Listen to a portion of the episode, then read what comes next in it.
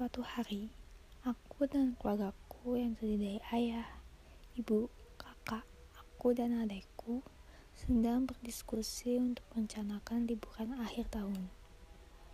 Kakakku menyarankan untuk pergi liburan ke pantai, tapi banyak yang tidak setuju.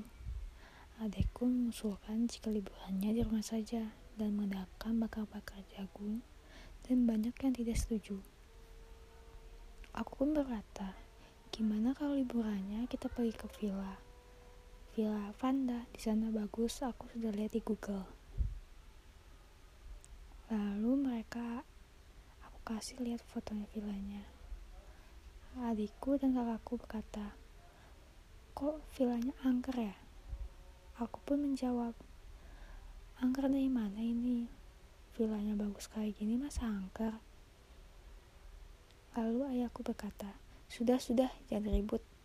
Lalu setelah perbincangan cukup lama, mereka akhirnya setuju untuk menginap di sana. Keesokan harinya, kami berangkat menggunakan mobil di tengah perjalanan. Ban mobil kami naiki bocor. Lalu ayahku mencari orang untuk membentukkan mobilnya. Setelah sudah selesai, kami melanjutkan perjalanan. Sekitar pukul 6 sore, kami sampai dan ibuku berkata, Vilanya kok beda sama yang di foto ya? Ini kok lebih angker ya? Lalu aku berkata, sudah nggak usah dipikirin, kayak di sini kan mau liburan. Lalu aku dengan adekku pergi untuk ganti baju renang. Setelah aku dan adekku ganti baju renang, aku bersama adekku langsung lompat ke kolam. Waktu menunjukkan pukul 9. Kami berkumpul di meja makan untuk makan-makan yang telah dimasak oleh ibuku. Setelah makan, kami mengumpul di ruang keluarga untuk menonton TV bermain catur-catur hingga aku tertidur. Di tengah malam, aku pun terbangun dari tidurku karena aku mendengar suara anak kecil sedang bermain bersama temannya. Keesokan harinya, aku bangun lalu aku pergi ke meja makan, ternyata semua sudah ada di situ. Aku pun menceritakan kejadian itu pada keluargaku, namun semuanya tidak percaya. Saat siang hari, ayahku, ibuku, kakakku pergi untuk jalan-jalan. Namun, aku dan adekku memilih tidak ikut karena ingin bermain tenis meja dan basket. Lalu adekku berkata jika dia ingin pergi mandi. Kak, aku mandi dulu ya. Lalu aku jawab iya. Aku mendengar suara teriakan di dalam kamar mandi, yang ternyata itu adalah suara adikku. Aku pun langsung pergi ke kamar mandi untuk melihat apa ada apa.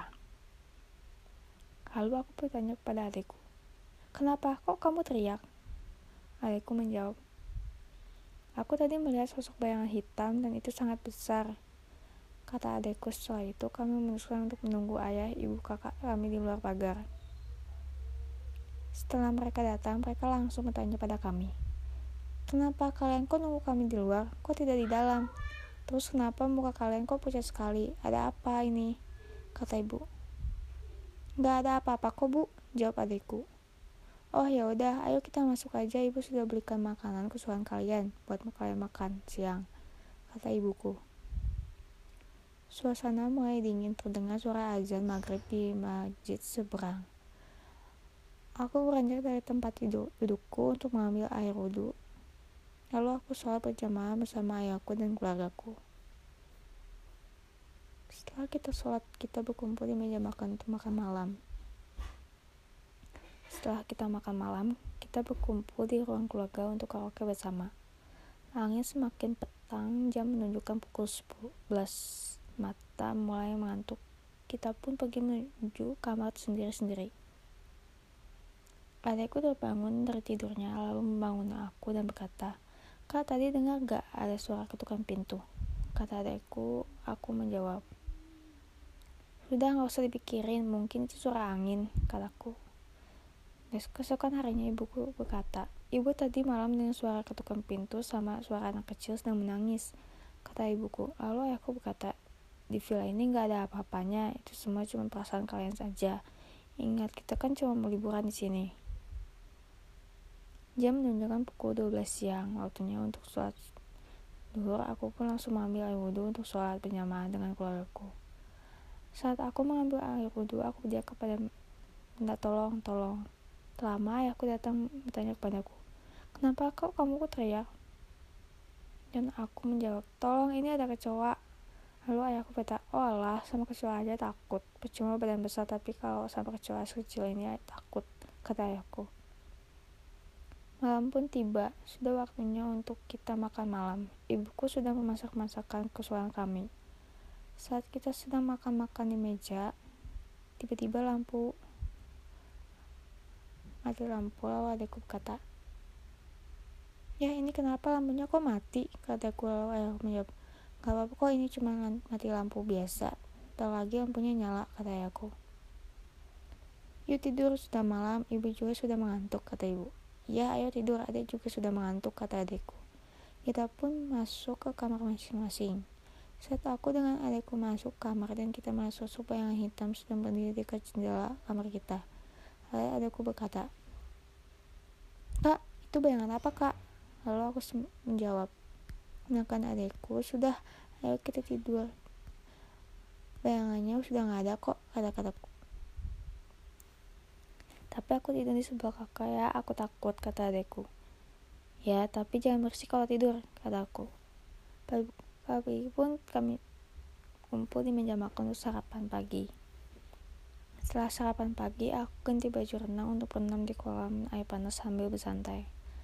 Tak lama kemudian ada suara teriakan yang sangat keras di kamar atas dan setelah kita cek, tidak ada siapa-siapa. Lalu ibu berkata, Ya ini villa benar-benar angker deh, gimana kalau kita pindah aja, kata ibu. Kalau kita pindah, kita harus mengeluarkan banyak uang lagi. Kita sudah betah betahin libur di sini, kata ayah. Malam telah menjelang matahari telah berganti dengan bulan. Aku dan adikku berniat untuk hunting foto dan berangkatlah kami ke kebun dekat villa. Setelah kami pas puas hunting foto, kami pun kembali ke villa. Setelah perjalanan pulang, kak, ke villa adekku berkata kak ngerasain gak ngerasain apa-apa. Gak cuma ngerasain branding aja pas lewat sungai tadi. Tiba-tiba lampu jalan meledak tepat di atas kami. Dua kami kaget sekali dan seorang warga yang mendekati kami bertanya gak apa-apa dek. Aku jawab gak apa-apa kok pak kemudian bapak itu bertanya lagi loh ke mana temannya satu lagi cewek tadi ada di belakang kok nggak ada kami pun bingung dan merinding karena kami berangkat cuma berdua dan mengajak teman cewek dan gak ada siapa-siapa di belakang kami. Kami kembali ke villa dengan lari secepat-cepatnya dan muka kami pucat. Setelah kami sampai villa, kami langsung tidur tanpa bilang masalah tadi ke orang tua kami.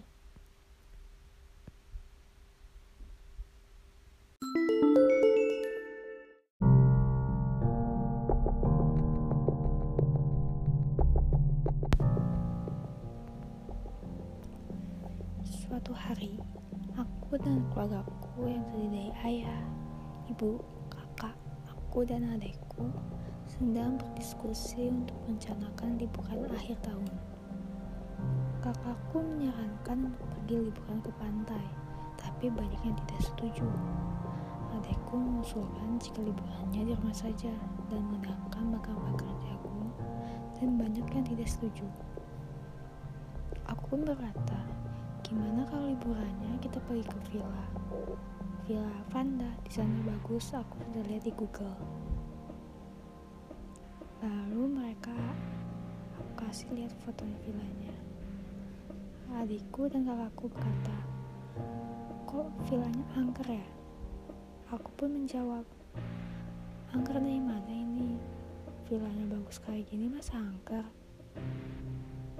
Lalu ayahku berkata, sudah, sudah, jangan ribut. Lalu setelah perbincangan cukup lama, mereka akhirnya setuju untuk menginap di sana. Besokan harinya, kami berangkat menggunakan mobil di tengah perjalanan. Ban mobil kami naiki bocor. Lalu ayahku mencari orang untuk membentukkan mobilnya. Setelah sudah selesai, kami melanjutkan perjalanan sekitar pukul 6 sore, kami sampai dan ibuku berkata, Villanya kok beda sama yang di foto ya? Ini kok lebih angker ya? Lalu aku berkata, sudah nggak usah dipikirin, kita di sini kan mau liburan. Lalu aku dengan adikku pergi untuk ganti baju renang. Setelah aku dan adikku ganti baju renang, aku bersama adikku langsung lompat ke kolam. Waktu menunjukkan pukul 9. Kami berkumpul di meja makan untuk makan-makan yang telah dimasak oleh ibuku. Setelah makan, kami mengumpul di ruang keluarga untuk menonton TV dan main catur-catur hingga aku tertidur. Di tengah malam, aku pun terbangun dari tidurku karena aku mendengar suara anak kecil sedang bermain bersama temannya. Keesokan harinya, aku bangun lalu aku pergi ke meja makan. Ternyata semua sudah ada di situ. Aku pun menceritakan kejadian itu pada keluargaku, namun semuanya tidak percaya. Saat siang hari, ayahku, ibuku, kakakku pergi untuk jalan-jalan. Namun, aku dan adikku memilih tidak ikut karena ingin pemain tenis meja dan basket. Lalu adikku berkata, jika dia ingin pergi mandi. Kak, aku mandi dulu ya. Lalu aku jawab iya. Aku mendengar suara teriakan di dalam kamar mandi, yang ternyata itu adalah suara adikku. Aku pun langsung pergi ke kamar mandi untuk melihat apa-apa. Lalu aku bertanya kepada adikku, Kenapa? Kok kamu teriak? Adikku menjawab, Aku tadi melihat sosok bayangan hitam dan itu sangat besar. Kata adekku setelah itu kami memutuskan untuk menunggu ayah, ibu, kakak kami di luar pagar. Setelah mereka datang, mereka langsung bertanya pada kami. Kenapa kalian kok nunggu kami di luar? Kok tidak di dalam? Terus kenapa muka kalian kok pucat sekali? Ada apa ini? Kata ibu. Gak ada apa-apa kok bu, jawab adikku. Oh ya udah, ayo kita masuk aja. Ibu sudah belikan makanan kesukaan kalian buat kalian makan siang, kata ibuku. Suasana mulai dingin terdengar suara azan maghrib di masjid seberang. Aku beranjak dari tempat duduk, dudukku untuk mengambil air wudhu. Lalu aku sholat berjamaah bersama ayahku dan keluargaku. Setelah kita sholat, kita berkumpul di meja makan untuk makan malam. Setelah kita makan malam, kita berkumpul di ruang keluarga untuk karaoke bersama. Angin semakin petang, jam menunjukkan pukul 11. Mata mulai mengantuk. Kita pun pergi menuju kamar sendiri-sendiri. Adekku terbangun dari tidurnya lalu membangun aku dan berkata, Kak tadi dengar gak ada suara ketukan pintu? Kata adekku, aku menjawab, Sudah gak usah dipikirin, mungkin itu suara angin, kataku. Keesokan harinya ibuku berkata, Ibu tadi malam dengan suara ketukan pintu sama suara anak kecil sedang menangis. Kata ibuku, lalu aku berkata, di villa ini gak ada apa-apanya, itu semua cuma perasaan kalian saja. Ingat, kita kan cuma mau liburan di sini. Jam menunjukkan pukul 12 siang, waktunya untuk sholat Dulu aku pun langsung mengambil air wudhu untuk sholat berjamaah dengan keluargaku. Saat aku mengambil air wudhu, aku dia kepada minta tolong, tolong. Lama ayahku datang bertanya kepadaku, kenapa kau kamu kok teriak? Dan aku menjawab, tolong ini ada kecoa. Lalu ayahku berkata, oh Allah, sama kecoa aja takut. Percuma badan besar, tapi kalau sama kecoa sekecil ini takut, kata ayahku. Malam pun tiba, sudah waktunya untuk kita makan malam. Ibuku sudah memasak masakan kesukaan kami. Saat kita sedang makan-makan di meja, tiba-tiba lampu mati lampu lalu adikku kata ya ini kenapa lampunya kok mati? Kataku lalu ayah menjawab gak apa-apa kok ini cuma mati lampu biasa. Tak lagi lampunya nyala kata ayahku.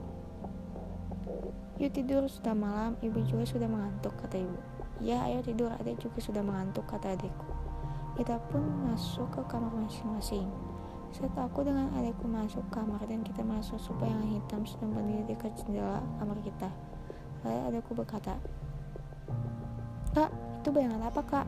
Lalu aku menjawab, Gunakan adikku, sudah, ayo kita tidur. Bayangannya sudah nggak ada kok, kata-kataku.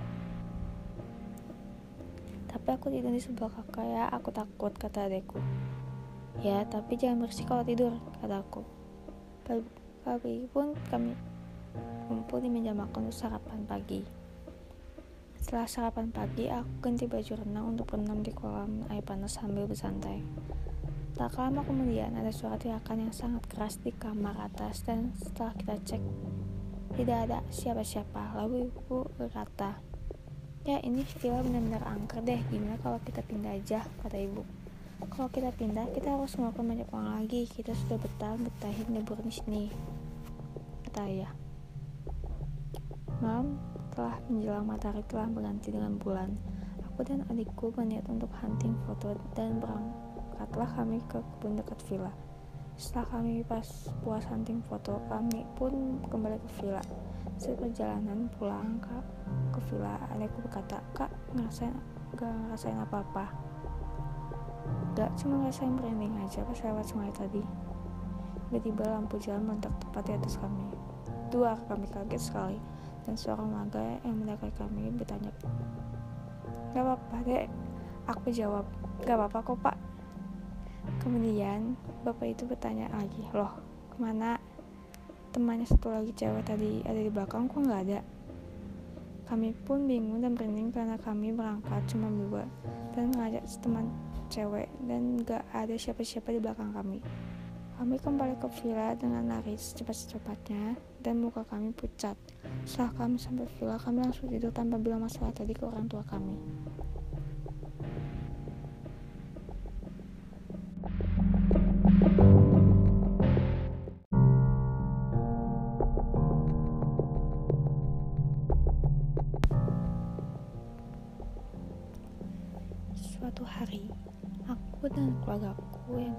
Ayah, ibu, kakak, aku dan adikku sedang berdiskusi untuk merencanakan liburan akhir tahun.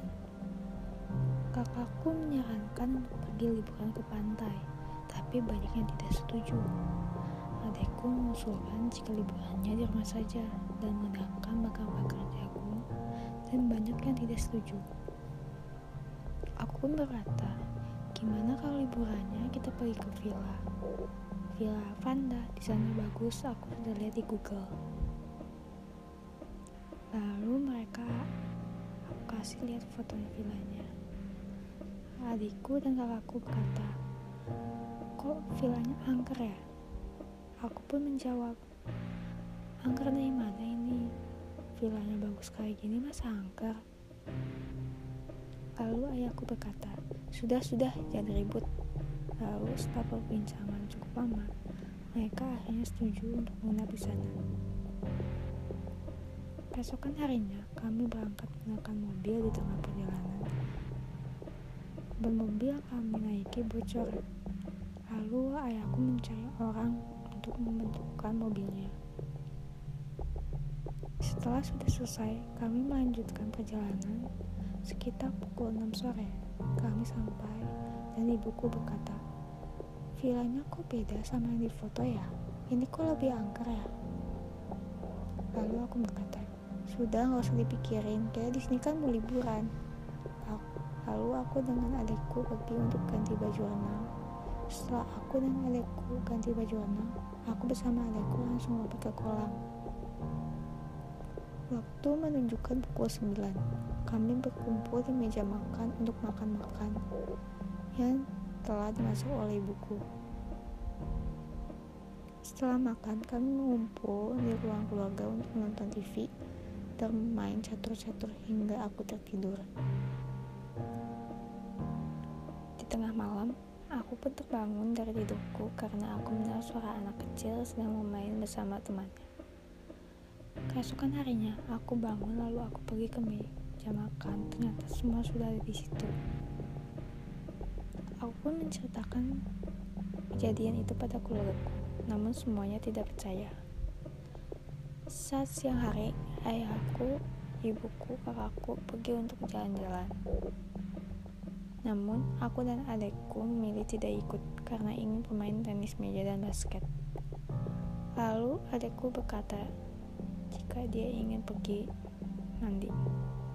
Kak, aku mandi dulu ya. Lalu aku jawab iya. Aku mendengar suara teriakan di dalam kamar mandi, yang ternyata itu adalah suara adikku. Aku pun langsung pergi ke kamar mandi untuk melihat apa-apa. Lalu aku bertanya kepada adikku, Kenapa kok kamu teriak? Adikku menjawab, Aku tadi melihat sosok bayangan hitam dan itu sangat besar. Kata adikku setelah itu kami memutuskan untuk menunggu ayah, ibu, kakak kami di luar pagar. Setelah mereka datang, mereka langsung bertanya pada kami. Kenapa kalian kok nunggu kami di luar? Kok tidak di dalam?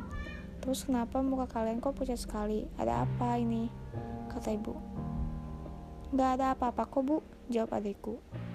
Oh ya udah, ayo kita masuk aja. Ibu sudah belikan makanan kesukaan kalian buat kalian makan siang, kata ibuku. Suasana mulai dingin terdengar suara azan maghrib di masjid seberang. Aku beranjak dari tempat duduk, dudukku untuk mengambil air wudhu. Lalu aku sholat berjamaah bersama ayahku dan keluargaku. Setelah kita sholat, kita berkumpul di meja makan untuk makan malam. Setelah kita makan malam, kita berkumpul di ruang keluarga untuk karaoke bersama. Angin semakin petang, jam menunjukkan pukul 11. Mata mulai mengantuk. Kita pun pergi menuju kamar sendiri-sendiri. Adikku terbangun dari tidurnya lalu membangun aku dan berkata, Kak tadi dengar gak ada suara ketukan pintu? Kata adikku, aku menjawab, Sudah gak usah dipikirin, mungkin itu suara angin, kataku. Keesokan harinya ibuku berkata, Ibu tadi malam dengan suara ketukan pintu sama suara anak kecil sedang menangis. Kata ibuku, lalu aku berkata, di villa ini gak ada apa-apanya, itu semua cuma perasaan kalian saja. Ingat, kita kan cuma mau liburan di sini. Jam menunjukkan pukul 12 siang, waktunya untuk sholat zuhur. Aku pun langsung mengambil air wudhu untuk sholat berjamaah dengan keluargaku. Saat aku mengambil air wudhu, aku dia kepada minta tolong, tolong. Lama ayahku datang bertanya kepadaku, kenapa kau kamu kok teriak? Dan aku menjawab, tolong ini ada kecoa. Lalu ayahku berkata, oh Allah, sama kecoa aja takut. Percuma badan besar, tapi kalau sama kecoa sekecil ini takut, kata ayahku. Malam pun tiba, sudah waktunya untuk kita makan malam. Ibuku sudah memasak masakan kesukaan kami. Saat kita sedang makan-makan di meja, tiba-tiba lampu mati lampu lalu adikku kata ya ini kenapa lampunya kok mati? Kataku lalu ayah menjawab gak apa-apa kok ini cuma mati lampu biasa. Tak lagi lampunya nyala kata ayahku. Yuk tidur sudah malam. Ibu juga sudah mengantuk kata ibu ya ayo tidur adik juga sudah mengantuk kata adikku kita pun masuk ke kamar masing-masing saat aku dengan adikku masuk kamar dan kita masuk supaya yang hitam sedang berdiri dekat jendela kamar kita Lalu adikku berkata, Kak, itu bayangan apa kak? Lalu aku menjawab, Kenakan adikku, sudah, ayo kita tidur. Bayangannya sudah nggak ada kok, kata-kataku. Tapi aku tidur di sebelah kakak ya, aku takut, kata adikku. Ya, tapi jangan bersih kalau tidur, kataku. Pagi pun kami kumpul di meja makan untuk sarapan pagi. Setelah sarapan pagi, aku ganti baju renang untuk berenang di kolam air panas sambil bersantai. Tak lama kemudian ada suara teriakan yang sangat keras di kamar atas dan setelah kita cek tidak ada siapa-siapa. Lalu ibu berkata, Ya ini villa benar-benar angker deh, gimana kalau kita pindah aja, kata ibu. Kalau kita pindah, kita harus melakukan banyak uang lagi. Kita sudah betah betahin liburan di sini, kata ayah. Malam telah menjelang matahari telah berganti dengan bulan. Aku dan adikku berniat untuk hunting foto dan berangkatlah kami ke kebun dekat villa. Setelah kami pas puas hunting foto, kami pun kembali ke villa. Saat perjalanan pulang ke, ke villa, adikku berkata, Kak, ngerasain, gak ngerasain apa-apa. Gak cuma ngerasain branding aja pas lewat sungai tadi. Tiba-tiba lampu jalan meledak tepat di atas kami. Dua kami kaget sekali dan seorang warga yang mendapat kami bertanya gak apa-apa dek aku jawab gak apa-apa kok pak kemudian bapak itu bertanya lagi loh ke mana temannya satu lagi cewek tadi ada di belakang kok nggak ada kami pun bingung dan berunding karena kami berangkat cuma berdua dan mengajak teman cewek dan gak ada siapa-siapa di belakang kami. Kami kembali ke villa dengan lari secepat-cepatnya dan muka kami pucat. Setelah kami sampai villa, kami langsung tidur tanpa bilang masalah tadi ke orang tua kami.